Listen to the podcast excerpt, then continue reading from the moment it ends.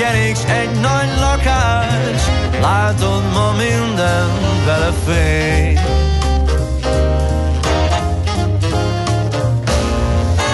Bonjour, Párizs, itt vagyok, New York rád is hangolok, London, Milano, ugye vársz még? Részek már a képzelet, száz évig is élhetek, bármerre nézek, a nagy ő vár. A nők, a swing és a nagy menő, édes élet, szép idők, most így ma minden belefér. Koktélfüst meg a csillogás, négy kerék, egy nagy lakás, látod ma minden belefér.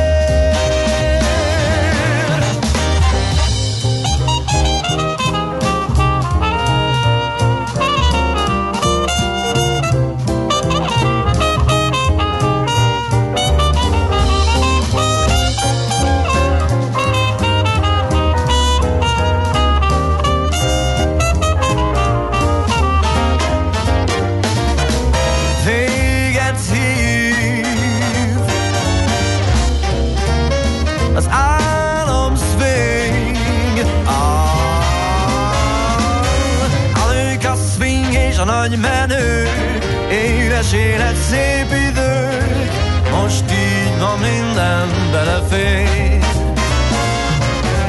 Koktélfüst meg a csillogás, négy kerék, s egy nagy lakás, látod ma minden belefér. A nők, a swing és a nagy menők, édes élet, szép idők, most így ma minden belefér. Csillogás, négy kerés, egy nagy lakás, látod ma minden belefér. Az álom swingben minden belefér. Következő műsorunkban termék megjelenítést hallhatnak. A 90.9 Jazzy bemutatja Egy zűrös városban, ahol semmi sem biztos. Csak az adó? Mondom semmi. Ahol a kisbefektetőket senki sem védi meg a tőzsdei kilengésektől, és a sikátorokban leselkedik a kíméletlen hozamgyilkos. Csak négy férfi múlik a közbiztonsága. Hadnagy urak, merre vannak? A mindenre elszánt és korrumpálhatatlan alakulat vigyáz a rendre minden reggel. Ezek az állati nyomozók? Négy férfi egyeset és egy nyalóka. Ács Gábor, Gede Balázs, Kántor Endre és Mihálovics András. Az íróasztal mögül pedig Profit kapitány diktálja a tempót. Humor, emberi sorsok, közönséges bűnözők és pénz, pénz, pénz. Egy különleges ügyosztály. A Gazdasági Muppet Show minden hétköznap reggel a 90.9 Jazzin. De is figyelj, ne csak a bárányok hallgassanak. De miért? Ha nincs pénzed azért, ha megvan, akkor pedig azért. Millás reggeli. Szólunk és védünk. Jó reggelt kívánunk mindenkinek, ez a Millás reggeli itt a 90.9 Jazzy Rádióban, mégpedig Mihálovics Andrással. És a benti stúdióban pedig Kántor Endrével. Jó reggelt kívánok én is az egybegyűlteknek. 6 óra 31 perc van, 2021. április 15-ét írjuk. Az SMS, WhatsApp és Viber számunk pedig 0630 20 10 909, és lám nem is felejtettem el, ide lehet majd mindenféle üzeneteket írni az adás készítőjének. Például a közlekedést, azt nagyon szeretjük. Igen, azt is lehet, meg ö, egyéb ö, Covid üzeneteket is lehet nekünk küldeni, amilyeneket például Csaba is írt.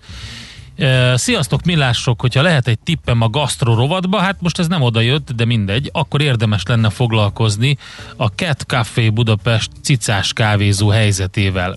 Mint minden vendéglátóst megvisel a válság, de az ő helyzetük a cicák miatt még komplikáltabb. Ha tudnátok nekik média megjelenést biztosítani, az nagy segítség lenne. Köszönettel Csaba. Mivel felolvastad ezt az üzenetet, egyből biztosítottál média megjelenést a Cat Café-nak, aki, akikről én bevallom őszintén nem hallottam idáig, úgyhogy Igen. már előre léptünk. Azt el szeretném mondani, hogy magyarosan Göteborgból hallgat minket Csaba. Köszönjük szépen. Érdekes a Cat Café helyzete biztosan, és a Facebook oldalukon is írnak arról, hogy mi a szitu velük, és a cicusokkal, úgyhogy tök jó, hogy felhívtad rá a figyelmet, köszönjük szépen. Na, um, Anasztázia és Tas napja van ma, ők a fő ünnepeltek, de rajtuk Olvasd csak tovább. rajtuk kívül az Aldók is ünnepelnek, aki, akiről kijut ez eszünkbe az Aldókról. Aldo Badminton a villámvélből. Igen. Ja, én azt hittem, hogy a becstelen brigantikból a Aldo az apacs. Aldo az apacs jut eszedbe az egyik legnagyobb karakter. Ugye, aztán Oktávia nap is van, tehát Visszafelé. minden kedves Kettő. autótulajdonosnak nagyon boldog névnapot De kívánok. akkor megyek és meglocsolom a kis hervacskodámat. Eh, De visszafelé még kettőt lépjél az Nyeste? Oktávia. Nem, az Nesta. egy visszafelé. Nesta nap Na, van. Na, tessék, ide akarták kiukadni mi? Ide. A nyestének, nav- navigálni kell. a nyestének egy régi magyar női névnek, a, ami természetesen a nyest állatnév kicsinyítőképzős alakja, ennek egy verziója a Nesta. Hm. Tudtuk volna ezt egy pár évvel ezelőtt teljesen Évig más, szívhattuk volna a vérét. más hangulatú műsorok lettek volna. Na jó. Igen. No, nézzük a fontos eseményeket. Van egy jó pár. Lehet, hogy talózni kéne, mert nem érünk sohasem a végére. Boldog születésnap a GE, azaz General Electric Company, mert 1892-ben pont április 15-én alapították a céget, amely azóta a világ egyik legnagyobbjává vált, de ugye most már a nagy tech óriások sorra taszítják le a hagyományos iparágak képviselőit a nagy cégek listájáról, úgyhogy erre a sorsra jutott szerintem a GE is. Uh-huh. Aztán 1912-ben hajnali 2 óra 20 perckor süllyedt el a Titanic, előző éjjel ütközött Igen. ugye jég- jéghelynek, és Előző hát, nap indult el, erről be is Igen. számoltunk. Igen. igen. És hát gyakorlatilag Leonardo DiCaprio is sajnos megformálta azt az utast, aki oda veszett. Majdnem azt mondtam, de az nagyon durva lett volna, hogy ő maga is oda veszett, de hát nyilván ez csak egy film volt, nem kell komolyan venni. Öm, bocsánat, én közben Eszterházi idézetekbe öm, ragadtam be, mert Nem hogy, baj, megyek én tovább. ha mert hogy gondolod. tegnap, ugye tegnap megemlékeztünk róla, hogy születésnapja volt Eszterházi Igen. Péternek 71 éves lett volna, és hát rengeteg idézetével lehet öm, szerencsére találkozni. Igen. A városban is, plakátokon, de a kedves hallgatók is írnak nagyon jókat, köszönjük. Igen. A McDonald'snak is bizonyos értelemben születésnapja van, mert az első éttermét 1955-ben pont április 15-én eh, nyitotta Illinois államban. Azt hogy kell kiejteni a Des Plaines The- The Plain. The Plain. Uh-huh. Na, szóval Illinoisban, The Plain városában. Akkor még a McDonald's testvérek nyitották, gyanítom, és nem Hát a... igen, az az első, ugye az az, hát Igen. A, a, igen, a, a, ez érdekes, amit mondtál, mert ugye lehetne azt mondani, hogy magának a McDonald'snak, mint corporationnek a születésnapja azért nem ide tehető, hanem Ray Krocnak talán az első nyitását lehetne erre megemlékezni, de maga a brand és maga az egész az innen indult valahol el. És nem győzzük hangsúlyozni, hogy aki látta az Alapító című filmet, az jól tette, aki pedig nem, az meg sürgősen pótolja, mert ugye Ray Krocról szól, meg arról, hogy Amerikában azt is lehet, hogy a saját nevedet viselő éttermet nem működtetheted. Na mindegy. Na jó, de ez nem csak Amerikában, ne sarkítsunk, azért körülnézünk itt Magyarországon, mondjuk csak a, a híres borászatok között, azért találunk egy jó párat, ahol érdekes Igen. módon megtörtént ez a... Nem érdekes, hát most ez egy teljesen Ez a természetes piac piaci farkas folyamat, törvény. igen. Igen. No, a, még egy születésnaposunk van, 1963-ban debütált a TV Maci a képernyőn április 15-én, úgyhogy biztos mindenki el tudja fütyülni a kis szignált, ami hozzájárt. Én most nem teszek erre eh, kísérletet, viszont azt felolvasnám, hogy 1958. április 15-én mi történt.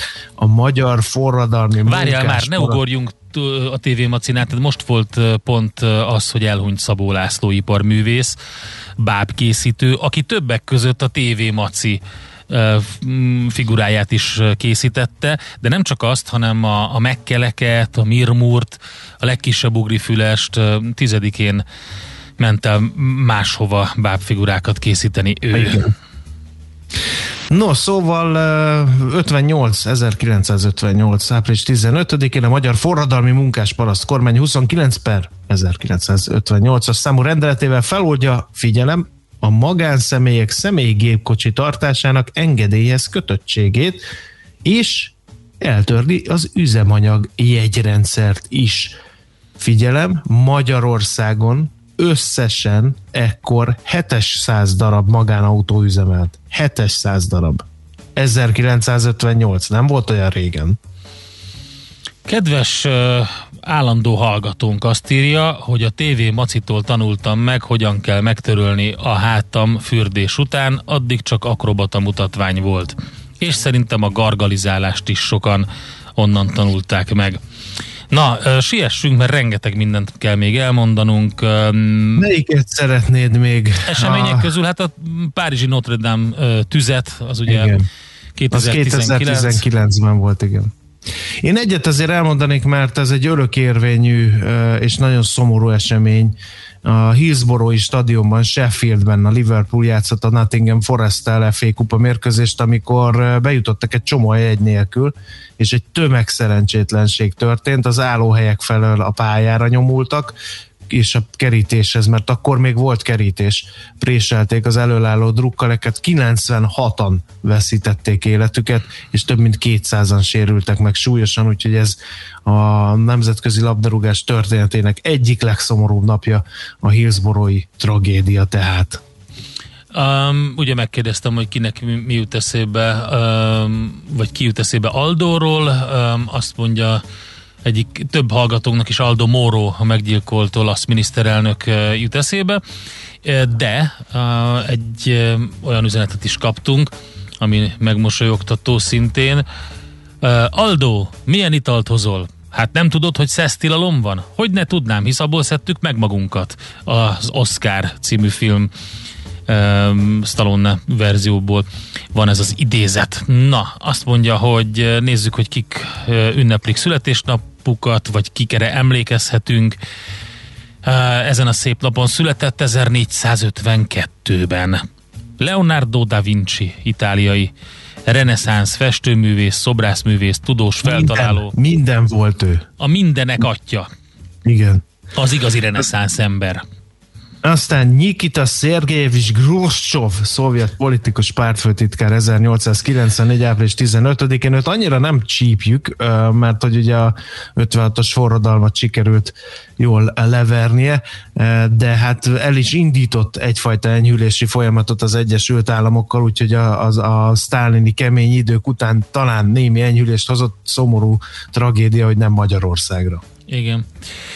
Viszont Bodrogi Gyulát annál jobban csípjük, úgyhogy mindenképpen nagyon boldog születésnapot neki. 1934-ben született ezen a napon. Nemzetszínésze, Kossuth, kétszeres Jászai díjas, színművész, rendező, színházigazgató, és hát még lehetne sorolni az érdemeit.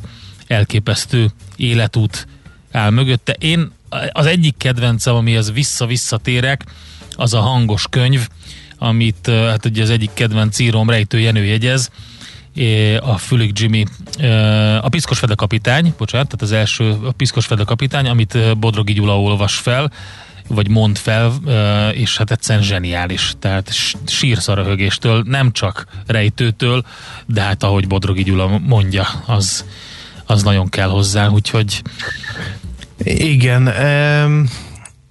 Aztán kik vannak még? Azon gondolkodtam, hogy még, ja, de egyébként vadásztárs Bodrogi Gyura, úgyhogy vadász üdvözletemet is hadd mellékeljem Kántor Endre jó kívánságai mellé. Én egy másik színészt emelnék Emma Thompson Oscar díjas angol színésznőt, én nagyon csípem. Azt hittem Emma Watson.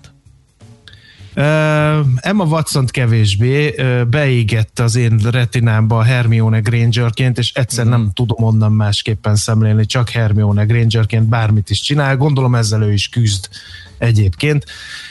És még két születésnapos mindenképp ideolóznék. Az egyik egykori műsorvezető társunk Gianni Annoni, olasz szakács, televíziós műsorvezető, aki ma kereken 50 esztendős. Jó egészséget, Gianni. Egyszer kaptam tőle egy, egy ilyen rasztasapkát, amikor volt egy másik rádióállomáson ilyen húzás, mert a nevem alapján ő valamiért engem ilyen raszta stílusú csávónak gondolt. Szerintem összekevert valakivel. Szerintem is.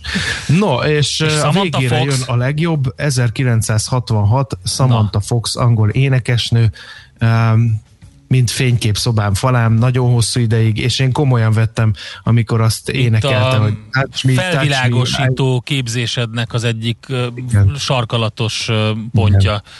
Férfivá érésem Igen. egyik mérföldköve az ő munkássága Igen. volt. Igen. Nem is annyira az énekesi, hanem inkább a hogy is mondjam, csak a Ahol nőiség még azért valamennyi dolog volt a fantáziádra bízva, de már nem sok maradjunk Igen. annyiban. E, és hogyha itt Milyen tartunk... szép idők voltak a popzenében, amikor kebel csodák versenyeztek egymással. Hát Sabrina, azt szerintem nem egy újdonság. Hát most nincs ilyen, most, most már más. Ja, most, most nincs. Igen. Igen. Ennek a korszaknak hát, mikor lett vége, tényleg? Hát azzal a versengéssel vége is lett szerintem. Én azt mondom, hogy ha, ha Samantha Foxot említjük, akkor mindenféleképpen említenünk kell a nagy összeesküvést, ami a, az x összeesküvés. Ugye azt csak a beavatottak tudják, hogy az x a két, főszer, két főszereplő, a Mulder ügynök és a, az ő folyamatosan, akit keres ugye az eltűnt te, uh, huga, az ő nevükből az jön ki, hogy Samantha és Fox, mert Samantha a huga, és ő pedig Fox Mulder. Csak mondom. Úgyhogy, nagyon éber vagy, Endre. Bizony, bizony. Köszönöm, Szerintem ezt mindenki észrevette, aki nagyon figyelte az x Mindig mondta a Fox Mulder, az igazság oda át van, és ez volt az. Nagyon jó. Köszönöm. Már megértem a felkelni. Akkor zenélünk egyet, és utána pedig uh, kinyitjuk a ropogós friss lapokat. Ugye megnézzük. Samantha Fox-tól a Touch Me című Igen, az. Samantha Fox um, kicsit visszavonult, aztán utána később um, elbújdosott az Egyesült Államokba, egyébként épp Illinoisba, The Plain mellé, az erdőbe, és ott vendégül lát különböző ilyen zenélő hippiket. Na, ők fognak most zenélni nekünk. Get your bets down, ladies and gentlemen. Következzen egy zene a Millás reggeli saját válogatásából. Mert ebben is spekulálunk. Thank you.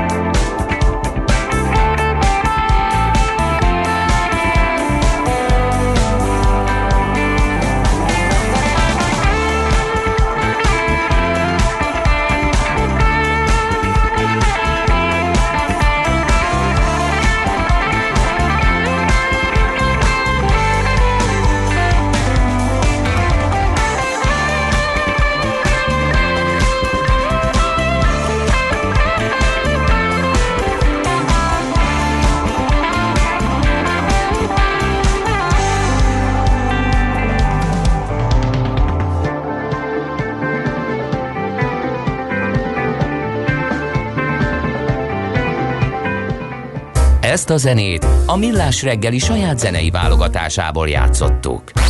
Nézz is! Ne csak hallgass! millásreggeli.hu Na mit találtunk a lapokban? Világgazdaság címlapján megfeleződött a kiutaztatási cégek száma. A külföldi utak szervezésével foglalkozó utazási irodák száma feleződött meg. Döntően a kicsik kiestek, ez csak részben köszön vissza a szolgáltatásokhoz megkövetelt vagyoni fedezetek értékében. Néhány nagyobb cég ugyanakkor nem, vagy csak részben élt a pandémia miatt bevezetett lehetőséggel, hogy a korábban megkövetelt fedezetnek elegendő, csak a felére letétett bankgaranciát vagy kaucióbiztosítást felmutatni. Nagy kérdés írja a világgazdaság, ők ezt azért tették mert még nem temetik az idei szezont, vagy esetleg más oka lehet ennek. Ez az egyik hír, ami érdekes. A másik, hogy új csúcsra 10.900 milliárd forint fölé emelkedett a lakossági betétek állománya, csak nem 19 százalékos éves növekedés, a lekötés nélküli folyószámla betétek részesedés egyre nagyobb a tortából 77 százalék felett jár, tehát a lekötetlen folyószámla betétekről van szó, illetve az M1-es metróról is jött egy hír, azt most látom, megérett a cserére a gépjárműpark, az átlag életkor meghaladja 45 évet, 25 milliárd forint kellene 22 szerelvény beszerzéséhez, de hát a fővárosnak nincs erre pénze, és most a kormánynál próbálnak támogatást szerezni. Hű, Ezek de izgalmas lesz ez. Ez jó kis meccs lesz. Um, na, mit is szerettem volna? Ja, tudom, a napi.hu reggeli uh, cikkét. Teljesen fejére állhat, vagy fejre állhat az EU egy év alatt, írja a napi.hu. Elképesztő változásokat hozhat a következő bő egy év az európai politikában, miután Németországban ősszel, Franciaországban pedig tavasszal lesznek kulcsfontosságú választások, új arcok bukkanhatnak fel a kontinens politikai arénájában, akik teljesen máshogy játszák a diplomáciai focit, és a kiindulási pontnak Tony Barber, a Financial Times publicistája cikkét veszik, de alapvetően ugye azzal foglalkoznak, amivel már sok politikai lap foglalkozott, Németország utódlási kérdései Merkel után, illetve hát Franciaország is nagyon fontos a tengely hatalmai az Európai Uniónak, úgyhogy izgalmas kérdéseket vet fel. Ez az egyik. A másik, ami érdekes, ugye a G7.hu-n. Börni? nem, hát a Bernie Madoffról mindenképpen egy szót mondjunk, vagy kettőt. Igen. Azt azért még a G7.hu-ról el szeretném mondani, hogy szinte már az összes kínai vakcinát beadták Magyarországon, de a Pfizer és a Moderna beadási aránya a Sinopharménál is magasabb, de ez nem meglepő.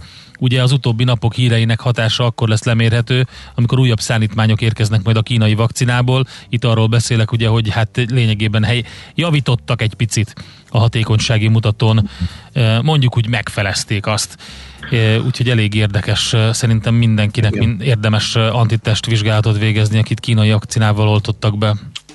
Négy évtizeden át hozzávetőleg 370 ezer embert vert át Bernie Madoff, a Ponzi séma egyik korbéli apostola, az apostol erős idézőjelbe teendő. Ugye a Madoff Investment Securities alapítója és vezetője volt, a világ alig, hanem legnagyobb piramis játékának az értelmi szerzője. Börtönben hunyt el, 150 éves büntetést kapott a csalás miatt, és hát gyakorlatilag klasszikus piramis játékot űzött, de annyira jól, hogy még a Nasdaq elnöke is volt ő egy időben, nem csak üzletember, kereskedő, befektetési tanácsadó, úgyhogy ő hunyt el 82 évesen a magában napon, igen. A, a büntetés végrehajtási intézetbe, és hát ugye az a séma lényege, hogy hatalmas profitot ígérnek, és ugye ha jönnek az újabb befektetők, akkor mindig a, az új befektetők pénzéből fizetik ki a régieket. Uh-huh. Nagyjából ez a ponzi séma lényege. Bernie Madoff kapcsán ezt el kellett mondani, illetve hát majd a hírekben lesz, de hogy jön az újabb könnyítés, a miniszterelnök bejelentette, hmm. hogy a jövő héten nyitnak a teraszok, illetve az alsósoknak el kell kezdeni iskolába járni, a felsősök maradnak online oktatásba, és Igen, hát ennek aztán sok értelme van, na mindegy. Igen. Um, Oké. Okay. Inkább zenéljünk egyet, és akkor elmondjuk, mi lesz a hírekben.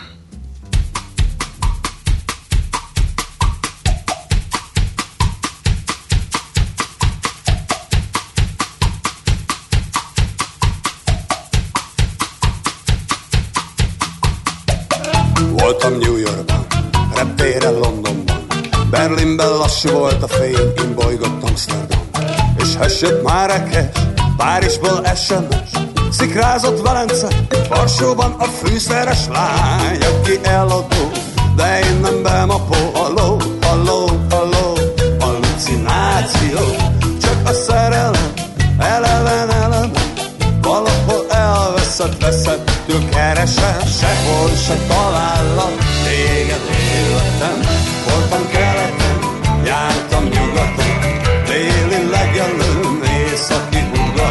sorstalan utakon fejvesztve kutatom őt, nem tudom, hol lakom.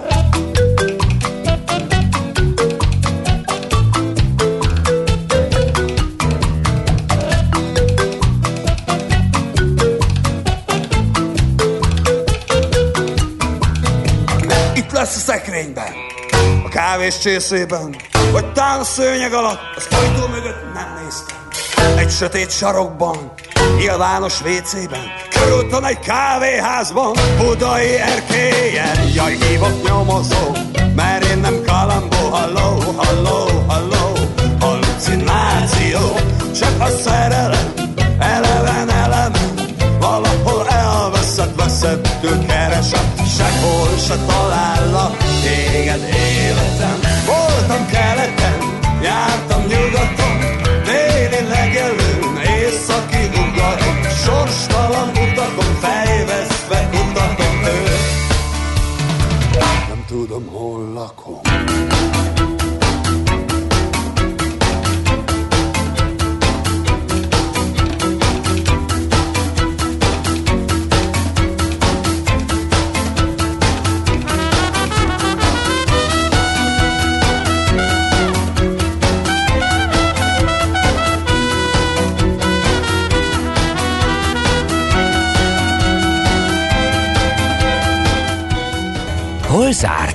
Hol nyit? Mi a sztori? Mit mutat a csárt? Piacok, árfolyamok, forgalom a világ vezető parketjein és Budapesten. Tősdei helyzetkép következik. Na nézzük, mi A történt MUX majdnem tőzsdén. 5%-ot esett, képzeld el, meg Micsoda? 40 42.865 ponton állt meg a Budapest értéktősde irányadó mutatója. Nem csoda, mert csak a Telekom tudott drágulni majdnem 2%-ot 420 forintig. A többi ö, három vezető papír esett, a legnagyobbat a Richter 1,7%-ot, 8620 forintig, 1,6-ot veszített értékéből a MOL 2046 forintig, az OTP megúszta eh, 0,2%-os mínusszal 12935 forinton zárt. Érdekes volt még a Masterplus tegnapi kereskedési napja, mert a rossz hangulat ellenére derekassan erősödött 2% fölötti mértékben a részvény, a vesztesek között pedig hát gyakorlatilag a blue chipek szerepeltek túl reprezentálva, ez is ugye egy érdekes helyzet, és még az akkót mondanám, amelyik érzékelhető forgalomban ment fölfelé 1,1 százalékot, úgyhogy ez volt a Budapest értéktőzsde tegnapi kereskedési napjáról a legfontosabb tudnivalók csokra. Hát, hogyha körülnézzünk most, hogy mi történik, akkor azt látjuk, hogy vegyes felvágott van a távol-keleten, a Nikkei egy órán belül zár, ott enyhe plusz van. A Hang Seng azonban 1%-os mínuszban zárt be Hongkongban, és két óra múlva zár a Shanghai Composite is, ott is 1%-nál nagyobb mínusz alakult ki. Európában szintén ilyen vegyes volt a kép, a DAX visszacsúszott 0,2%-ot, a FUCI és a Kakkaran mutatója Párizsban azonban emelkedni tudott, körülbelül ilyen fél százalékot erősödtek ezek az európai papírok, vagy mutatók. Az Egyesült Államokban is e, ilyen vegyes kép volt, a Dow tovább tudott erősödni, 33.730 ponton van most, már 0,2%-os plusszal, a Nasdaq azonban 1%-ot csökkentette értékét, az S&P pedig fél százalékot, és ha megnézzük, akkor például tudható, betudható olyan papíroknak, mint a Twitter, 3,7%-os mínusz, például a technológiai papíroknál, de folytatta a mélyrepülést a Visa 6,3%-os mínusz alakult ki, és a Nike is rosszul szerepelt 4%-os mínusszal. Viszont a FedEx tovább emelkedett 6%-os plusszal, azt mondja, hogy és az Occidental Petroleum Marathon Oil Company szintén 5% illetve 3%-os pluszt hozott össze. Az olajára egyébként még mindig ilyen 62 dollár közelében mozog, úgyhogy ez jót tesz ezeknek a cégeknek, de jól szerepelt a Wells Fargo, tegnap fel is hívtuk rá a figyelmet, hogy érdemes a gyors jelentésekre figyelni. A Wells Fargo 5,5 százalékkal a legkapósabb papír volt az amerikai parketten. Az ExxonMobil és a Chevron is nagyon jó, hogyha már itt az energetikát nézzük, 3 százalékos pluszban az Exxon és 2 százalék fölött a Chevron. Úgyhogy nagyjából ezt lehet elmondani az amerikai piacokról, még a bitcoin Hát bár ugye nem 64 ezer, de 63 ezer dolláron még mindig a bitcoin árfolyama. Nem lep meg a vízamély repülése egyébként, amióta megépítették a vaskaput, eltűnt a folyóinkból ez a hal, úgyhogy nem uh, csoda, hogy oh, alul. Okay. Ez egy kemény csütörtök, én azt kell mondjam. Tőzsdei helyzetkép hangzott el a Millás reggeliben. Uh, jó, ezt ki kell még kevernem, um, úgyhogy most elmegyek Onnan tudom, hogy kávét. betalált egy poén, hogy Kántor Endre össze kell, hogy szedje magát. Igen. Akkor elégedett vagyok, amikor Kántor Endre nem találja a szavakat. Amikor a vizákról beszélsz, akkor én csak azt tudom mondani a hallgatóknak, hogy szevasztok! Nézd a Millás reggeli adásait élőben a millásreggeli.hu oldalon. Millás. Millás reggeli, a vizuális rádió műsor. Műsorunkban termék megjelenítést hallhattak. Mindenkinek vannak pénzügyei. Ha van pénze azért, ha nincs, akkor meg azért. A 90.9 Jazzy magyar-magyar gazdasági szótára minden hétköznap élőben segít eligazodni a pénzvilágában. Tőzsde, depisza, árupiac, makrogazdaság, személyes pénzügyek. Tippek, ötletek, szakértők és egy csipetnyi humor. Millás reggeli, a gazdasági Muppet Show. Minden hétköznap 10-ig. A Millás reggeli főtámogatója, a prémium alapanyagokból készülő Viva Gourmet szendvicsek forgalmazója, az OMV Hungária Kft. Reklám, céges energiafogyasztás, energetikai tudnivalók, teendők és döntések. Tudni akarod, hogyan lehet hatékonyabb a céged? Fontos lenne, hogy pazarlás helyett a megtakarításon legyen a hangsúly. Tudj meg többet az energiahatékonysági megoldásokról minden kedden reggel 3.48-kor a Millás reggeliben. A Cég Energia Robot támogatója az Alteo csoport. Alteo.hu Energiában gondolkodunk.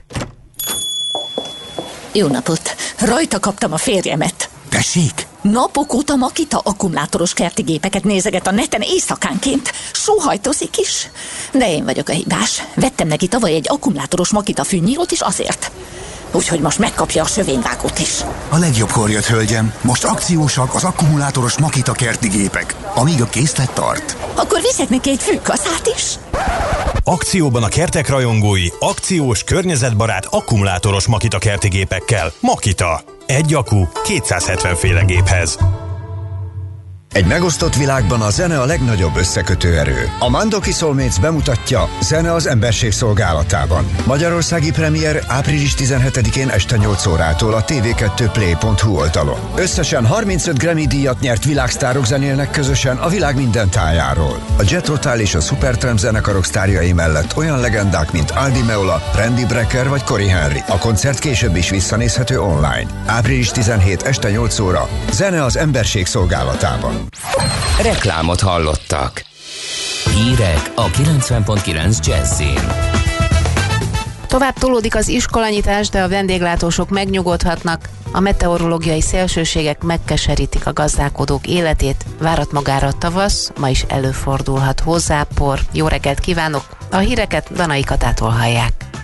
A fokozatos nyitás jegyében csak az általános iskolák alsó tagozataiban kezdődik meg a tanítás április 19-én. Az óvodák fogadják a gyerekeket jövő héttől.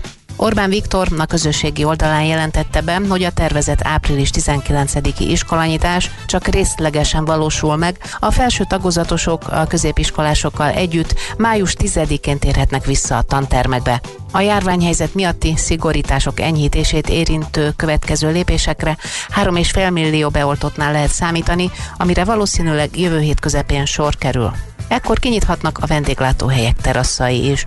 A koronavírus.gov.hu tájékoztatása szerint hosszú idő után csökkenni látszik az aktív fertőzöttek száma.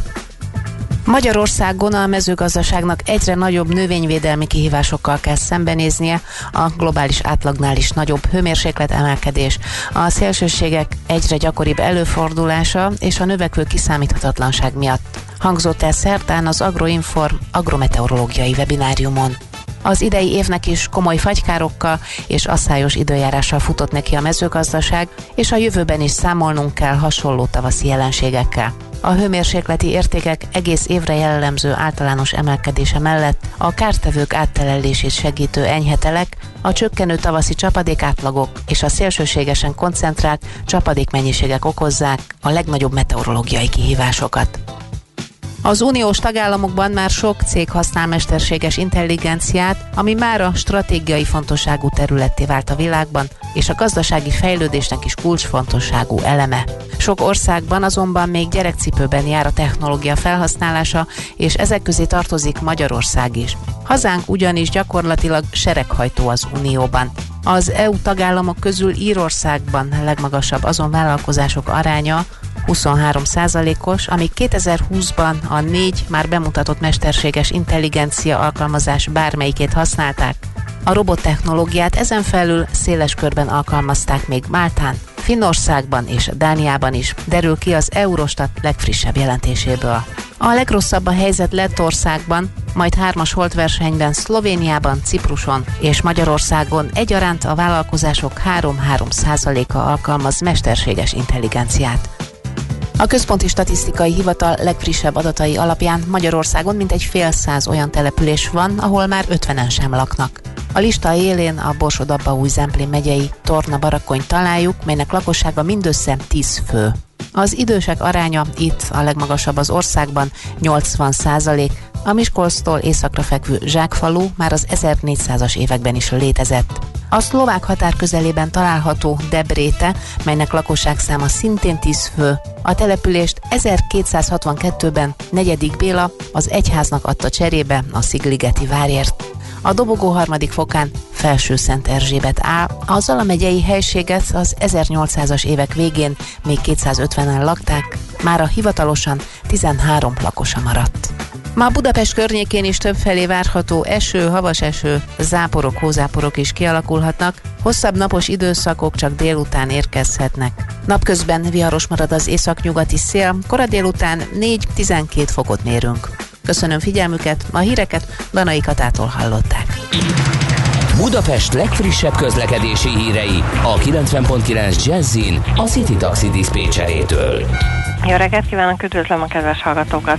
Erősödik a forgalom a városban, de még jó tempóban lehet közlekedni. Útszükület lassítja a forgalmat a belvárosban a Hanszlin Imre utcában, a Károly kertnél, a 8. kerület Népszínház utcában, a Kisörzsef utcánál új gyalogátkelő helyet létesítenek, ezért itt is útszűkületre kell számítani és szintén útszűkületen kell áthajtani. Az első kerületben a Döbrentei téren a Budai Alsórakpart és az Attila út között felújítás miatt. Lezárják a Szirtes utat, a Kelehegyi út a Citadelláig, és a parkoló is megszűnik felújítás miatt. Az m 0 autóúton a déli szektorban az M5-ös autópálya felé a 22-es kilométernél még mindig javítják a burkolatot, a külső sáv még mindig le van zárva, tegnap egész nap torlódás volt ezen a szakaszon, ha feltétlenül erre vissza az útjuk, akkor számítsanak hosszabb menetidőre. Köszönöm szépen a figyelmüket, további jó utat kívánok! A hírek után már is folytatódik a millás reggeli, itt a 90.9 jazz Következő műsorunkban termék megjelenítést hallhatnak.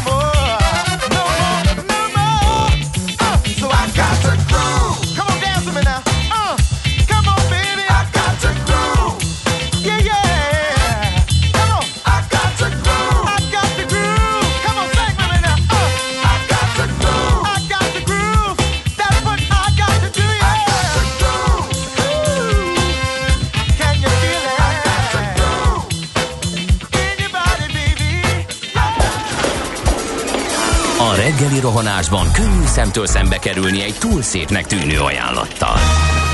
Az eredmény krétával körberajzolt tetemes összeg. A tethelyen a gazdasági helyszínelők, a ravasz, az agy és két füles csésze és fejvállalakzat. A lehetetlen küldetés megfejteni a Fibonacci kódot. A jutalom egy bögre rossz kávé és egy olyan hozamgörbe, amilyet még Alonso Mózli sem látott. Millás reggeli, a 90.9 Jazzy Rádió gazdasági mapetsója. Vigyázat! Van rá engedélyünk! Jó reggelt kívánunk mindenkinek, ez továbbra is a Millás reggel itt a 90.9 Jazzy Rádióban, mégpedig Mihálovics Andrással. És Kántor Endrével jó reggelt kívánok én is a hallgatóknak 0 30 20 10 9 0 9 ez az a fontos SMS, WhatsApp és Viber szám, amivel kommunikálni lehet a műsor készítőivel. Ragadjátok meg az alkalmat, lássunk Meg is ragadták, meg is ragadták. Azt mondja, ugye volt egy kritikám a óvoda és alsó tagozat nyitással kapcsolatban, és ezt rögtön uh, valaki megragadta, és azt mondta, hogy igen, igen, sok értelme van. Egy 7-8 éves gyereket nem tudsz otthon hagyni egy-két órára, míg egy 11-12 évest igen és mi van akkor, hogyha valakinek több gyermeke van, és az egyik ilyen, a másik olyan korú, és mi van akkor, hogyha azt gondolják a szülők nagyon sokan, hogy ez akkor is veszélyes, és stb., és stb., és stb. Én azt gondolom, ez egy szubjektív vélemény, de egyébként nem egy szülői, itt igazságot szülői, tenni, szülői nem akarok igazságot tenni, ez a saját szülői véleményem is, hogy ez szerintem nem átgondolt, és azt gondolom, hogy én, mint szülő, nehéz helyzetbe kerülök, hogy egy ilyen döntést kell meghoznom, hogy esetleg mondjuk próbáljam otthon tartani a gyerekemet, mert mondjuk féltem a családom egészségét. És akkor jöhetnek a uh, fújogók, hogy jaj, már megint a félős kántor. Igen. Na nézzük a közlekedést. Budapest legfrissebb közlekedési hírei, itt a 90.9 jazz Útszűkület van az ötödik kerületben a Hanselman Imre utcában apropó Katona Csabának ezt majd ki kéne nyomozni, hogy ki volt Hanselman Imre.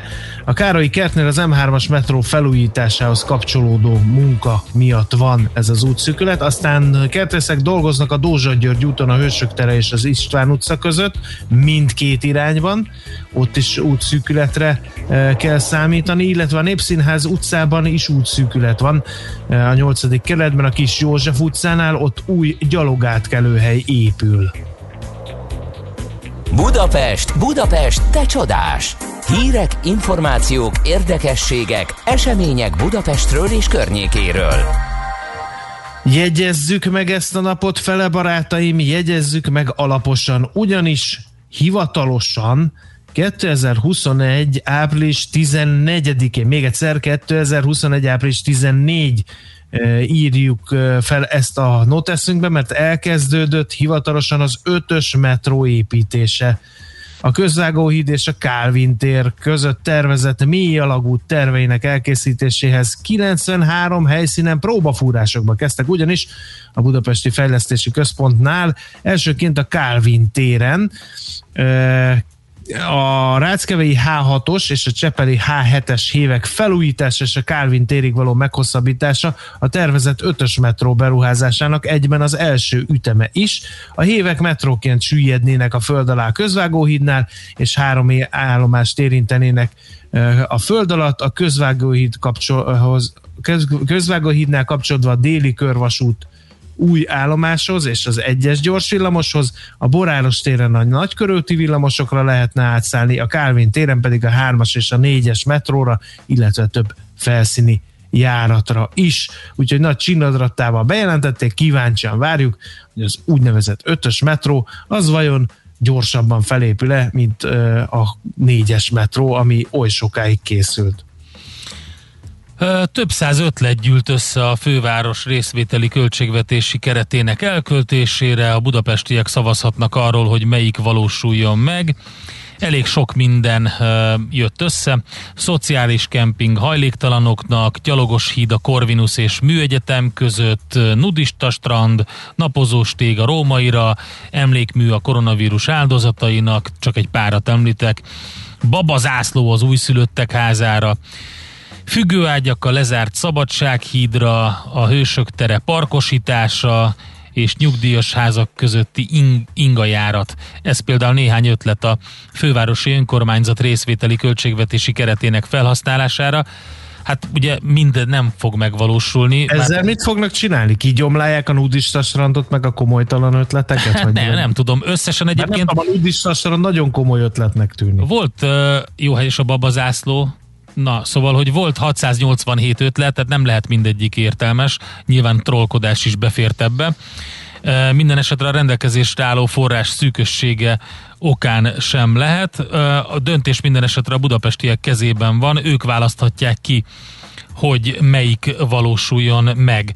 Mert hogy ugye ez a ez a részvételi költségvetés Nyugat-Európában már régóta alkalmazott dolog. Párizsban akkor a nagy siker, hogy a fejlesztési költségvetésen belüli arányát jelenleg 10%-ról 25%-ra tudták e, emelni. De minden esetre az van, hogy Budapesten elsőre a városfejlesztési költségvetésének a 10%-ot se éri el a részvételi büdzsé, de a jelen gazdasági helyzetben ugye főként a fejlesztésre fordítható szabad felhasználású keret szűkössége okán így is bátor vállalás. Minden esetre idén 1 milliárd forint felhasználásra van mód. A fővárosiak ötleteit három kategóriában lehetett benyújtani, a gondoskodó és zöld Budapest, az egész város vagy legalább három kerületet érintő projekt, aztán hát ez, ez, ez 500 millió volt, a javasolt projekt költsége nem haladta meg a 250 millió forintot, míg az első két kategória esetében 250-250 millió forint volt a keret. Minden esetre meg lehet nézni az összeset a főváros oldalán, hogy mi van, milyen ötletek vannak, és, és hát majd ezekből kell gyúrni valamit, hogy megszavazni gondolom, hogy hogy meg legyen valósítva ezek közül valamelyik. Gondolom te azt szeretnéd, hogy, hogy a, az izgalmasabbak valósuljanak meg. Igen, azt viszont nem tudom, hogy szeretném-e, ami szintén Budapesthez kapcsolódó hír, hogy lezárultak az egykori Magyar Királyi Pénzügyminisztérium várbeli épületének rekonstrukciójára kiírt közbeszerzési pályázatok. A Magyar Nemzet információi szerint a legalacsonyabb árat adó pályázókat hirdették ki nyertesnek. Ez a Mátyás templom közvetlen eh, szomszédságában váló vagy álló épület együttes, ezt kórhű módon szog, eh, fogják felújítani két és fél éven belül, és eh, hát az eredeti helyükre kerülnek a század előtt idéző fa és kőfaragványok, csillálok, padlóburkolatok, festett ólomüveg, ablakok, és a pénzügyminisztérium 2023 végén vissza is költözik a várba. Aha. A projekt értéke nettó 54,4 milliárd forint, illetve 1,25 meg erre rájön, mindkét közbeszerzéssel a becsült érték alatt marad. Ja, akkor jó. Igen. Akkor jó. Egy jó hír a végére, a Budapest is indul a világ könyv fővárosa címért. Azt mondja, hogy hogyha az UNESCO támogatja a magyar pályázatot, akkor a magyar főváros 2023-ban Pest és Buda egyesítésének 150. évfordulóján otthont adhat az egész éves programsorozatnak. Budapest a világ könyvfővárosa 2023-as cím elnyerése esetén a könyv és olvasás fókuszú kulturális eseményeit, akcióit három gondolatkör, három üzenet fogja csoportosítani.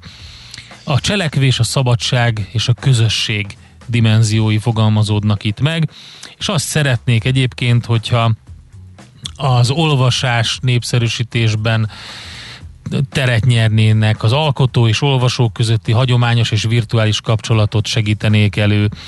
Úgyhogy ez mindenképp egy nagyon jó dolog, és nagyon jó lenne, hogyha e, ilyen színben is fel tudnánk tüntetni a fővárost. Nekünk a Gellért hegy a Himalája. A Millás reggeli fővárossal és környékével foglalkozó robata hangzott el. Következzen egy zene a Millás reggeli saját válogatásából. Mindenkinek, aki szereti.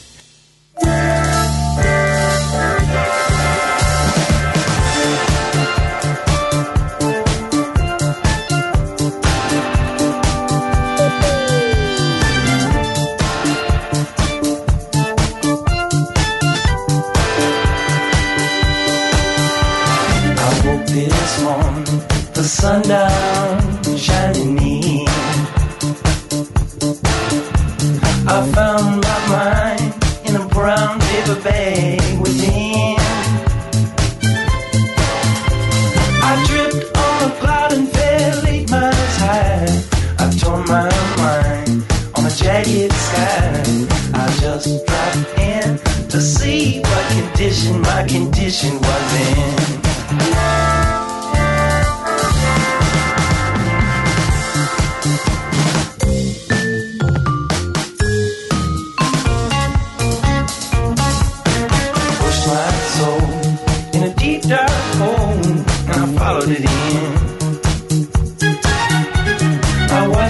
Myself crawling out as I was crawling in. Got up so tight I couldn't unwind. I saw so much, I broke my mind. I just dropped in to see what condition my condition was in.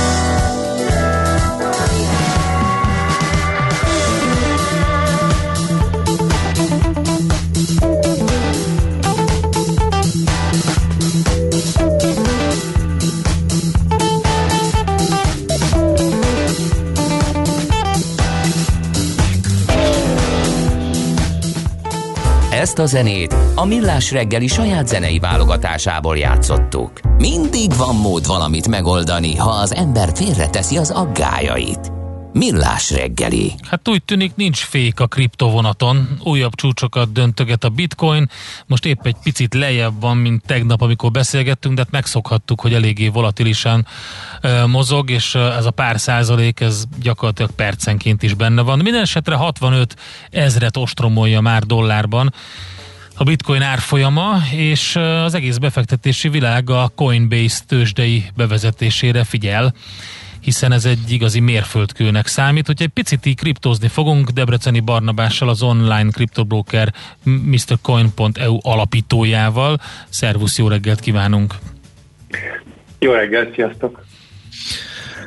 No, hát az első kérdés, hogy mennyire ilyen hírvezérelt a bitcoin kereskedés, és mennyire organikus ez a növekedés. Ezt azért kérdezem, mert most egy társaság megy a tőzsdére, amiről egy átlag magyar talán kevesebbet tud, és lám-lám milyen egekbe dobta az, az árfolyamot megint. Mi, mi összefüggés van egy tőzsdei bevezetés és a bitcoin árfolyama között? Ezt magyarázd el nekünk, légy oly kedves. Szerintem a, a legnagyobb összefügg, tehát a, ez, ez az én személyes véleményem persze, tehát hogy, hogy a Coinbase-nek a bevezetésére nem találhattak volna jobb időpontot, mint a négy éven ti bika piacnak az egyikét, vagy négy évente előforduló bika piac egyikét, tehát most, most döntöget ugye történelmi csúcsokat a bitcoin, hát talán a bika piacnak a felénél, kétharmadánál lehetünk. Nyilván egy ilyen, ilyen ami, amikor eleve van egy jó sajtója a bitcoinnak, és általában a kriptopiacnak ilyenkor érdemes tőzsdére vinni bitcoin tőzsdét. Tehát szerintem talán ez, ez egy kicsit egymást generálja nyilván, tehát a, a, a kriptopiac számára ez azt jelenti, hogy na, még egy lépés afelé, hogy ez, hogy ez mainstream legyen és elfogadottabb legyen. A, a, Coinbase az első amerikai kriptotőzsde, ami, ami tőzsdére viszi a részvényeit, ez tovább legitimálja a kriptopiacot, tehát nyilván van egy ilyen kölcsönhatás, hogy, hogy ez, a, ez a két történet ez erősíti egymást. Uh-huh. Vannak még ilyen, vagy lehetnek még ilyen hírek, amik még taszajtanak egyet az árfolyamon? Szerinted a csőben? Elon Musk után nem tudom, hogy mi lehet, mi lehet erősebb. Hát um, tehát most, most már igazából meg se, meg, meg se lepődik senki egy olyan híren, amikor egy újabb és egy újabb tőzsdéjegyzett cég uh, bitcoin uh, vesz föl a mérlegére. Hát talán itt, ami, ami, ami még olaj lehet a tűz, tűzre, hogyha nem egy, egy magánvállalat, hanem valamilyen állami intézmény teszi ugyanezt. Tudtam, hogy ez még nem történt meg, és tudtam, hogy többen tervezik, a Florida állama például, nem is Florida állama, hülyeséget mondok, Miami városa tervezi ezt, illetve hogy bitcoinban lehet adókat fizetni. Hát ők ott most eleve ugye próbálják a, a korona miatt San Francisco-ból hazaköltözött, kiszorult um, lakbért nem um, fizetni akaró, vagy hát alacsonyabb lag, lakbért után kutató technológiai cégeknek az alkalmazottai, ugye, akik San Francisco-ból kiszorultak, és hát vagy hát otthonról dolgoznak most már mindenféle egyéb államból, ugye Texas és Austin, Texas és Miami a két fő célpont, és ők most versenyeznek egymással ugye a, a technológiai cégek uh, alkalmazottai és a technológiai cégek él, és, és hát a, a, a Miami Miami városának a polgármestere az elég innovatív módszereket használ erre. Az egyik az, hogy Twitteren toboroz közvetlenül cégtulajdonosokat, illetve bitcoinozni szeretne. Szóval ez lehet még, ami szerintem, ami szerintem hajthatja. Mondjuk az érdekes lehet az Egyesült Államokban eddig hozzá nem szokott költségvetési szerveknél az, hogy árfolyam kockázat van egy bevételben, tehát adó nem bevételben van egy olyan árfolyam kockázat, hogy, hogy ugye nem dollárba szedik be, hanem bitcoinba, akkor lehet, hogy hirtelen ö, egy nagy volatilis emelkedés vagy esés miatt más összeghez jutnak, szóval Igen. Iz, izgalmas lesz ezt figyelni. Hát, az... Illetve az, hogy a tartalékuk egy részét bitcoinba rakják, aha, az is, az aha, is azért igen, egy, igen, egy, így van, így van. Igen, um, egyébként az árfolyam kilátásai milyenek a bitcoinnak? Um, gyakorlatilag sokan tényként kezelik a 100 ezer dolláros tetőzést is valahol. Az meg lehet? Hát végül is nincs olyan nagyon messze, 65 ezernél járunk nagyjából. Nincs, nincs, talán, talán reális is egyébként, tehát tényleg a tető az 100 ezer és 400 ezer dollár között bárhol lehet, és utána ne felejtsük el, hogy ilyenkor mi történik. Ugye van egy, egy, egy árfolyam emelkedés és egy, egy hype, és talán most kezdi a, most kezd elindulni a hype ö, ö, időszak, tehát az az utolsó fázis a, a bika piacnak, amikor már a má, mániás ö, ö, befektetők jönnek, és tehát ilyenkor, ilyenkor azért már a, a kis, ért, értelmes ember a kiszállókat nézi, nem a beszállókat már, és, és de még van benne valószínűleg uh, szufla. Uh, ezt mutatja az összes blockchain metrika is egyébként, tehát uh, nem, nem, nem gondolom, hogy ez a vége, vagy ez a, ez a teteje, hanem uh, hanem az igen, tehát ahogy mondod, a százer az abszolút elképzelhető, és utána egy másfél éven keresztüli perodálódás, amikor... Na ezt akartam kérdezni, ezt ilyen hozzáértők bitcoin téllel riogatnak, ami, ami ugye azt jelenti, hogy kipukkan ez a lufi, és, és, és akkor mi történik? Miért hívják ezt bitcoin télnek? Um, ilyenkor azt történik ugyan, hogy, hogy hihetetlen magasságokba emelkedik a bitcoin és hát egyéb kriptopénzek árfolyama is, majd utána visszatér egy normális szintre, ami a, ugye a tetőtől a, a, a normálisig, vagy hát a, a depresszióig van egy jó 80%-os esés, de ez a, az, az új ciklusnak az alja, az általában a sokszorosa, általában 3-4-5-szöröse, akár tízszerese is lehet az előző csúcsnak, tehát ugye az előző csúcs 2017-ben az 20 ezer dollár körül volt, 19.800 valahogy így, Szóval elképzelhető azt, hogy most vagyunk a bitcoin tél, leendő bitcoin télnek az alján, tehát én nem tartom elképzelhetetlennek, hogy ez fölmegy 2-300 ezer dollárig, majd másfél év alatt erodálódik 60-70 ezer dollár körüli árfolyamra, és akkor az megint nyilván egy jó beszálló lesz. Uh-huh. Okay. Jó, uh, oké, okay. nagyon szépen köszönjük az elemzést, kíváncsian várjuk, szerintem fogunk még beszélgetni a más nem újabb csúcsok kapcsán, és reméljük, hogy a bitcoin tél kapcsán csak soká, úgyhogy köszönjük szépen Barna. Köszi szépen, szép napot, jó munkát nektek! Szia! Debreceni Barnával, az online kriptobroker Mr. Coin.eu alapítójával vizslattuk, hogy van-e fék a kriptovonaton, ő úgy jósolta, hogy egy darabig még nincs. Ezt tudtad? A Millás reggelit nem csak hallgatni, nézni is lehet. Millásreggeli.hu Benne vagyunk a tévében. Műsorunkban termék megjelenítést hallhattak. Rövid hírek a 90.9 Jazzin.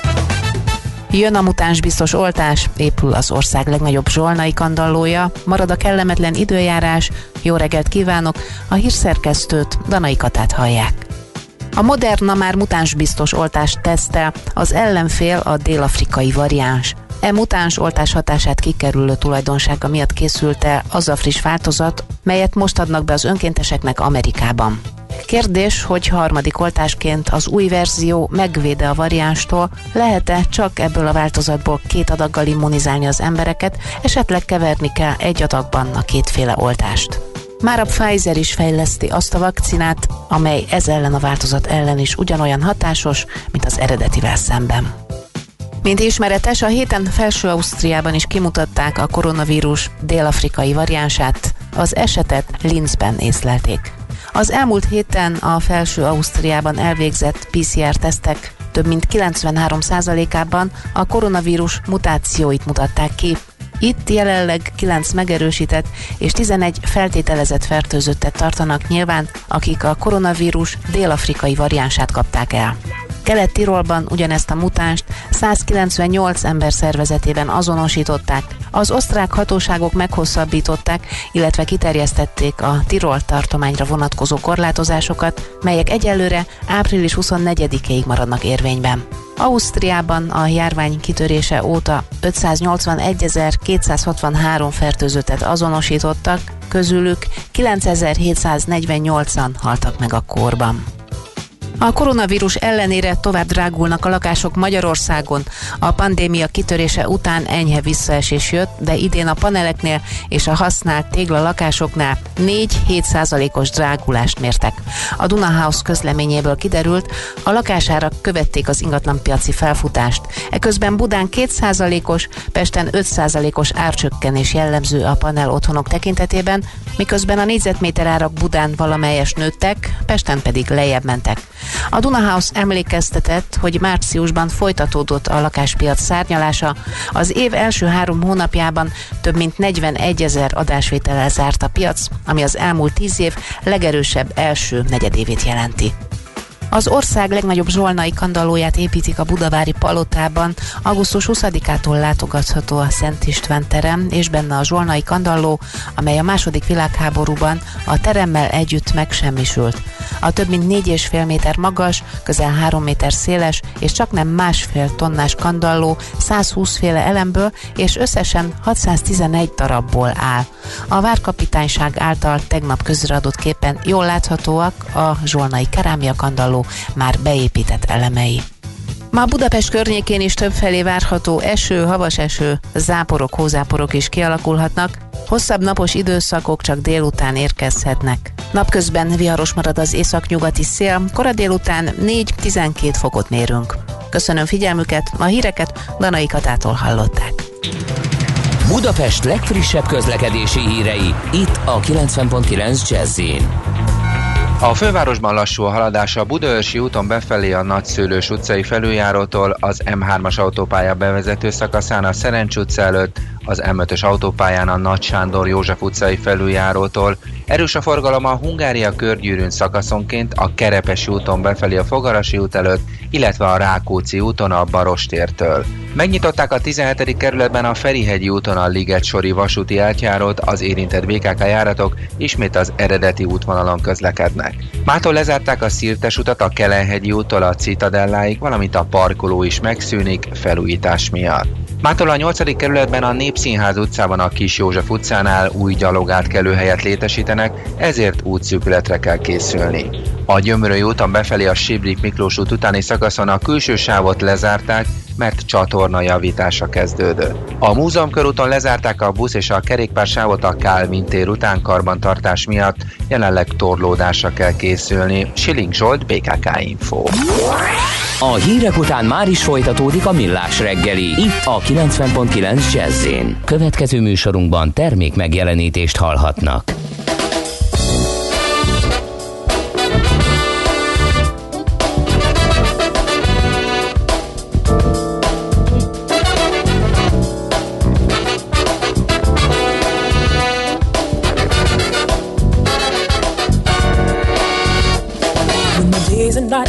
Blended into one.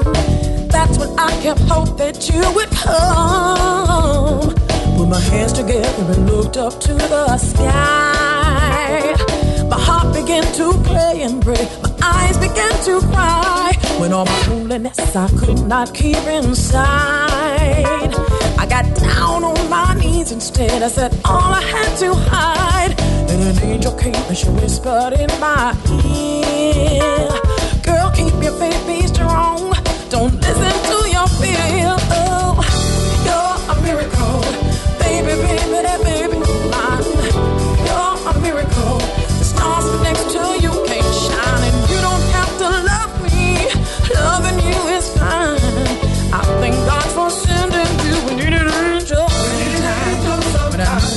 would come into my life. That's when I knew you would make it right. So I kept my hope and I kept you in my mind. My heart began to beat and beat. My head went up in pride. Son, I don't know which way your life gonna go. I love you even before you came. I gave a meaning to your destiny, and I hope, hope you're gonna do the same.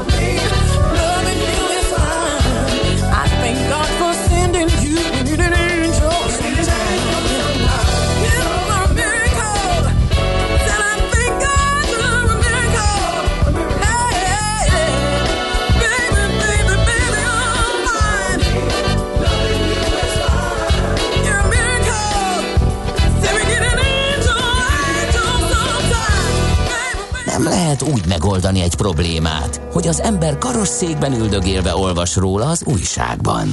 Millás reggeli. Na hát a legfrissebb felmérések hazánkban és globálisan is azt mutatják, hogy a fiatalokat nagyon érdeklik szurkolóként, játékosként egyaránt az e-sport. Nálunk 3,8 millió fő játszik videójátékokkal, ami egy kimagasló szám a magyar lakosságot tekintve lakosságarányosan. Eközben pedig az e-sport már nem csak a nevében hasonlít a profi sportra, de sok minden másban is. Üzleti modell, felépítése, vannak közös vonások. Erről fogunk beszélgetni a KPMG sport tanácsadója és e-sport szakértője segítségével. Balázs Sebestyen itt van velünk a vonalban. Szervusz, jó reggelt! Sziasztok, jó reggelt kívánok! Aki maga is e-sportoló. Úgyhogy nem szeretnénk ezt a beszélgetést ezek a mai fiatalok hangulatúra hangolni, úgyhogy arra kérjük a hallgató közösséget és hogy nyitottsággal közeledjen ehhez a témához. úgyhogy nagy öröm egy e-sportolóval beszélgetni, aki már volt nálunk vendég valamikor néhány évvel ezelőtt, de azóta hogyan alakult az e-sport karriered? Például én úgy tudom, hogy voltál az év e-sportolója is. Igen, ha jól emlékszem, akkor 2019 vége felé beszélgettünk, és azóta se hagytam abba a versenyszerű játékot. Sikerült megvédenem az akkor megnyert első magyar bajnoki címemet, illetve most egy pár napja megválasztottak a 2020-as év e-sportolójának is a kártyajátékos kategóriában, ezen kívül pedig sikerült nemzetközi vizeken is megmér, megmérkőztetnem magamat.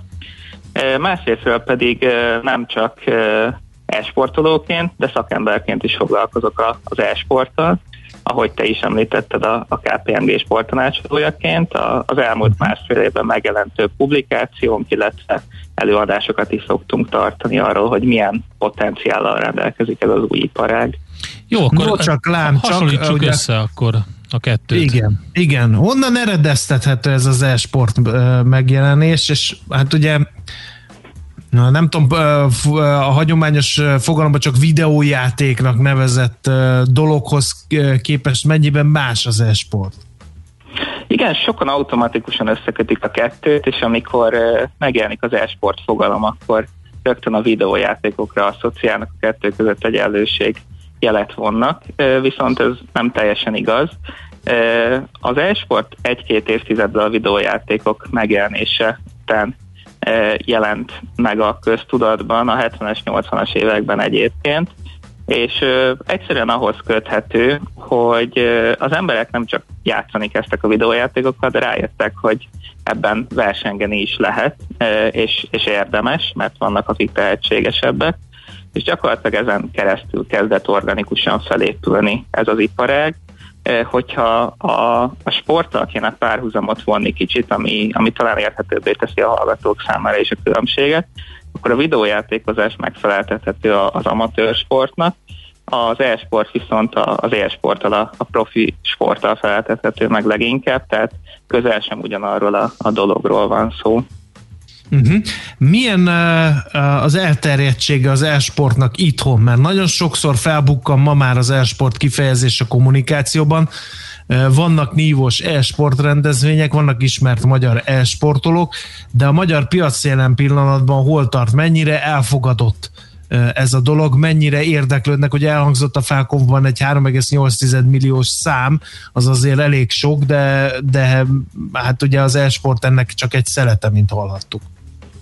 Így van, pontosan a, a 3,8 milliós szám az a videójátékosokra vonatkozik. Ebből az e-sportnak a fogyasztói bázisa jelenleg kb. olyan 500-540 ezer fő közé eh, tehető. Ebbe beletartoznak nem csak a játékosok, illetve azok a szakemberek, akik az e-sporttal foglalkoznak, hanem eh, a nézők, azok, akik eh, kilátogattak már e-sport rendezvényre, vagy bármilyen szinten kötődnek hozzá, viszont ez a, ez a szám is azért most már jelentősnek mondható. Hogyha a profi szénát nézzük, akkor a, a legutóbbi Magyar Nemzeti Esport Bajnokságban, ami a, a legnagyobb jelenlegi hazai e, versenynek számít, közel 8000 játékos mérettette meg magát, úgyhogy közel sem egy ilyen részszegmensről beszélünk most már, elég nagy az elterjedtsége, még azért bőven van teendő e, azzal kapcsolatban, hogy a, a társadalom megismeri, hogy pontosan mit is takar ez a fogalom, illetve hogy ez miért hasznos, e, miért érdemes foglalkozni az e-sporttal, de, de összességében egy folyamatos növekedés látható. Hát a magyar társadalom egy jelentékeny szerete az ott tart, hogy az e-sport nem is sport.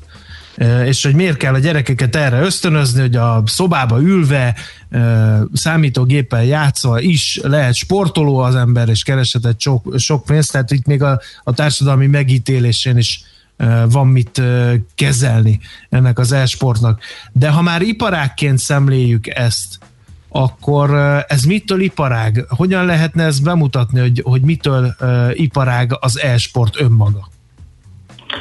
Először is visszautalva az előző okfejtésre a, társadalmi hatás illetően, illetve azzal kapcsolatban, hogy mennyire is e, jó az e-sport. Ö, Az a számokból is egyértelműen látszik ebből a 3,8 millió hazai videójátékosból, hogy a videójátékok azok megérkeztek, elterjedtek a társadalomban, és ö, főleg a fiatalok körében ez egy nagyon népszerű szabadidő eltöltési szokásnak számít.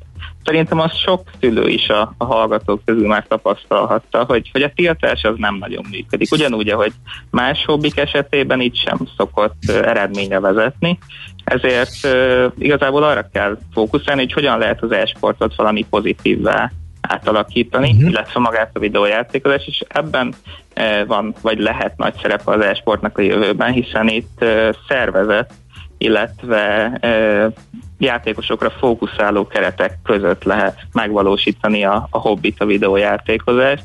Például magyar sportcsapatok is alapítottak már e-sport divíziót, és e, ennek keretein belül nem csak arról van szó, hogy a gyerekek játszanak, hanem egy közösséget is alkotnak, együtt vannak, kapcsolatokat építenek ki, valamint ez összekapcsolódik hagyományos sportolással is. Úgyhogy itt az e-sportnak vannak azért bőven olyan társ, pozitív társadalmi hatásai, amik, amik egyébként segíthetnek a videójátékoknak a, a kezelésében is gyakorlatilag. De hogy rátérjek az üzlet, üzleti részére. Igen, beszéljünk egy picit erről, mert ugye a rendes sportnak az üzleti részét azt látjuk ezer ö, szempontból. Az e-sport üzleti részét a, legalábbis én, én, mint laikus, talán a merchandisinggal tudom összekötni, az nagyon hasonlít a, a profi sportra. Uh-huh. Ez így van, viszont nem csak a merchandising, hanem gyakorlatilag az összes lehetséges bevételi forrás, és ezen kívül a, a teljes üzleti modellnek a felépítése is jelenleg sportot látszik lekövetni.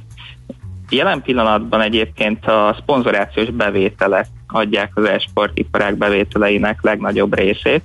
Ez főleg egyébként annak köszönhető, hogy a közönségnek a fiatal YZ, illetve alfa generáció tagjai számítanak, ak- akiket egyébként nagyon nehéz elérni a hagyományos ö, reklámozási csatornákon, ö, valamint ez egy nagyon vonzó csoportot jelent a, a reklámozók számára.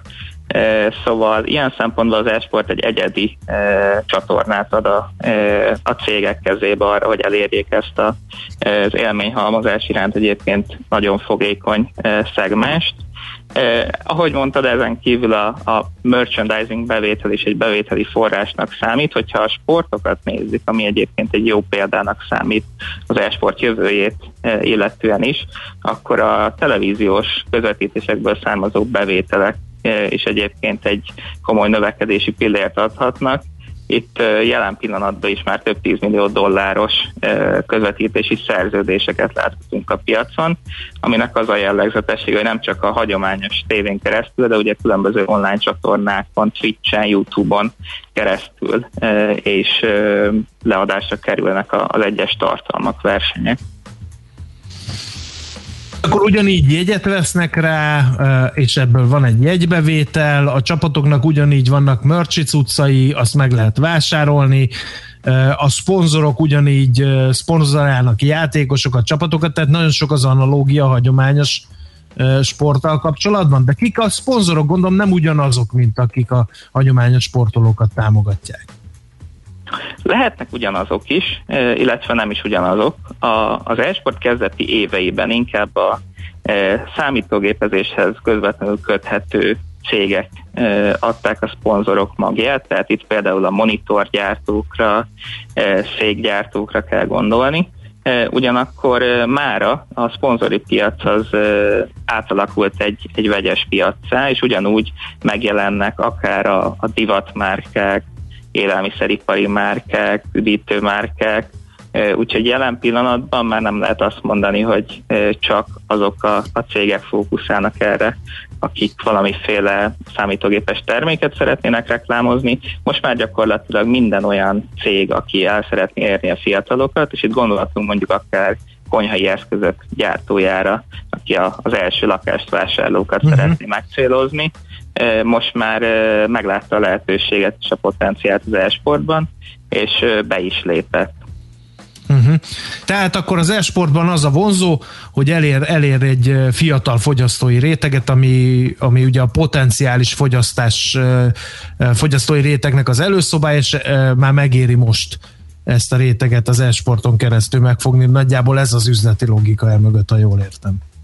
Gyakorlatilag igen. Uh-huh. A, a videójátékoknak a globális piac egyébként most már megelőzte a filmzene vagy könyvipart is, tehát egy teljes átrendeződés figyelhető meg a szórakoztatóipari szegmensbe, és egyszerűen az esportokon keresztül nagyon egyszerűen, illetve autentikusan, tehát a márkák üzeneteivel egybehangzóan lehet elérni ezt a, ezt a tényleg nagyon vonzó és egyre növekvő számú csoportot.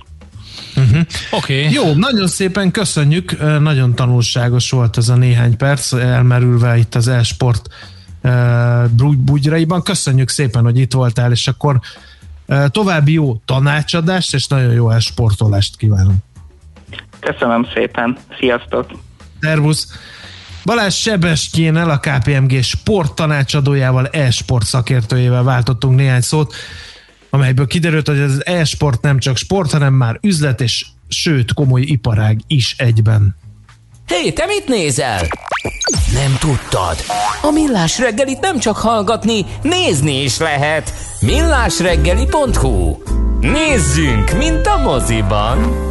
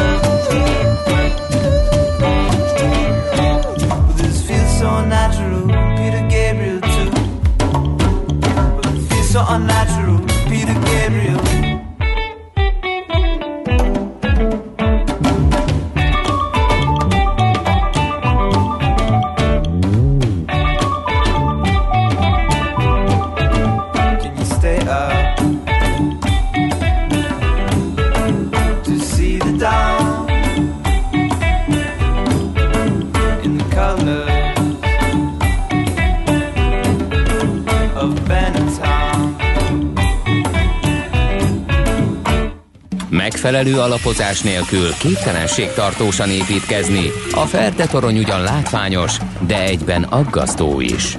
Kerüld el, hogy alaptalan döntések miatt Ferde pénztarnyat építs. Támogasd meg tudásodat a Millás reggeli heti alapozójával.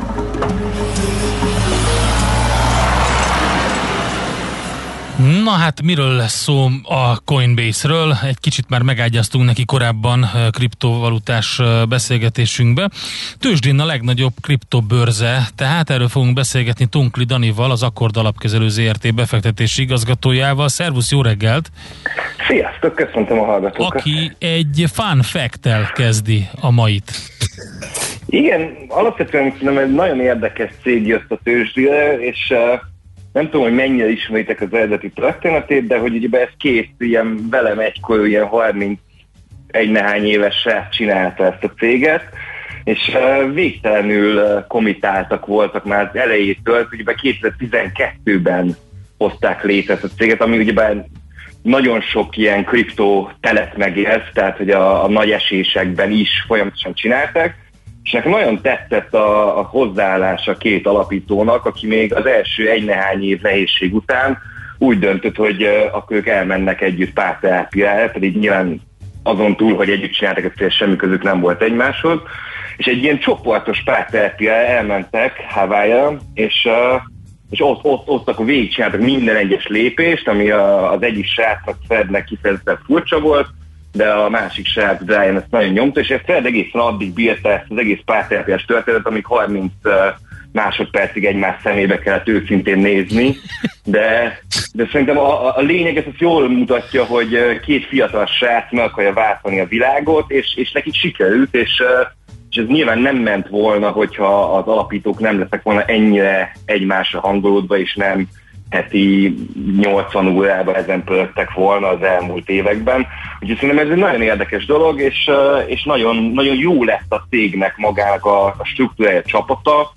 Számos régi Coinbase uh, alkalmazott, az, az most már saját kriptovállalkozást csinál, nagyon sikeresen, úgyhogy ez mindenféleképpen egy nagyon érdekes cég, és nagyon jó a az egész háttér, szóval nagyon jó hangulata van, hogyha ha megnéztek egy-két interjút ezekkel a srácokkal. Uh-huh. Jó, oké. Okay. Mindenképpen érdekes. Hát nyilván utána kell jobban nézni, mert akármit mondanak a kedves hallgatók, hogy például uh, a kriptopiac az akkor akár monopoli pénzes rovatunk is lehetne ebben a műsorban. Hát kérem, a monopoli pénz, ha eléri azt a szintet, akkor lesz olyan rovat, uh, hogy mondjuk egy monopoli dollár 64 ezer dollár, amerikai dollár, akkor én megígérem, hogy lesz monopoli rovat rovatunk is. Na de ugye ilyesmi kritika van ezekkel kapcsolatban, viszont a Coinbase tőzsdére menetele az meg pont a másik oldal, tehát hogy egy ilyen olyan legitimizáció ennek az egésznek, ami, amire szerintem nagyon régóta várnak, akik ebben hisznek. Igen, de én még előtte hadd kérdezzem meg, hogy mit csinálnak ők? Hát, ha sokan nem tudják.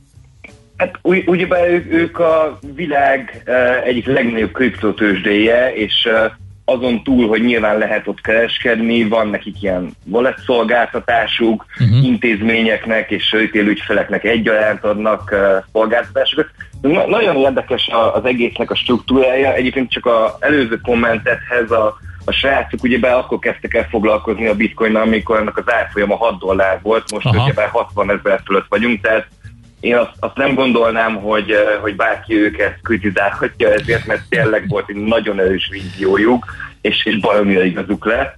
És a, és a Coinbase kapcsán is azt látszik, hogy volt egy erős víziójuk, és szükség van egyébként bitcoin tőzsdére, és, és ez is nagyon bevált, mert fantasztikus növekedésen vannak túl, és, és hát tegnap jöttek ugyebár tőzsdére, ami hát szerintem ilyen, mondjuk azt, hogy az ő számukra egy hatalmas sike, a tegnap beszállók számára nem feltétlenül, mert az árfolyam azért esett egy 14 ot a, attól az árfolyamtól nézve, ahol elengedték tényleg a papírt, nem pedig a teoretikustól, ami, amit valamiért a tőzsde megszabott, eh, hogy ez 250 dollár a teoretikus árfolyama, de igazándiból végül 328-on zárt, ez nagyjából 14 mínusz, ahol tél, ahhoz képest, ahol tényleg lehetett már vele kereskedni. De, de tényleg, szerintem ez egy nagyon jó pofasztori, nagyon érdekes, és, és hát azért az, az fontos látni, 85 milliárd dollárra értékeli most a, a piac ezt a céget. Tehát uh-huh. valamit ezek a srácok nagyon létrehoztak. Az Igen. Biztos. Figyelj, miért mentek ők tőzsdére tőkebe vonás, vagy, vagy mi a cél?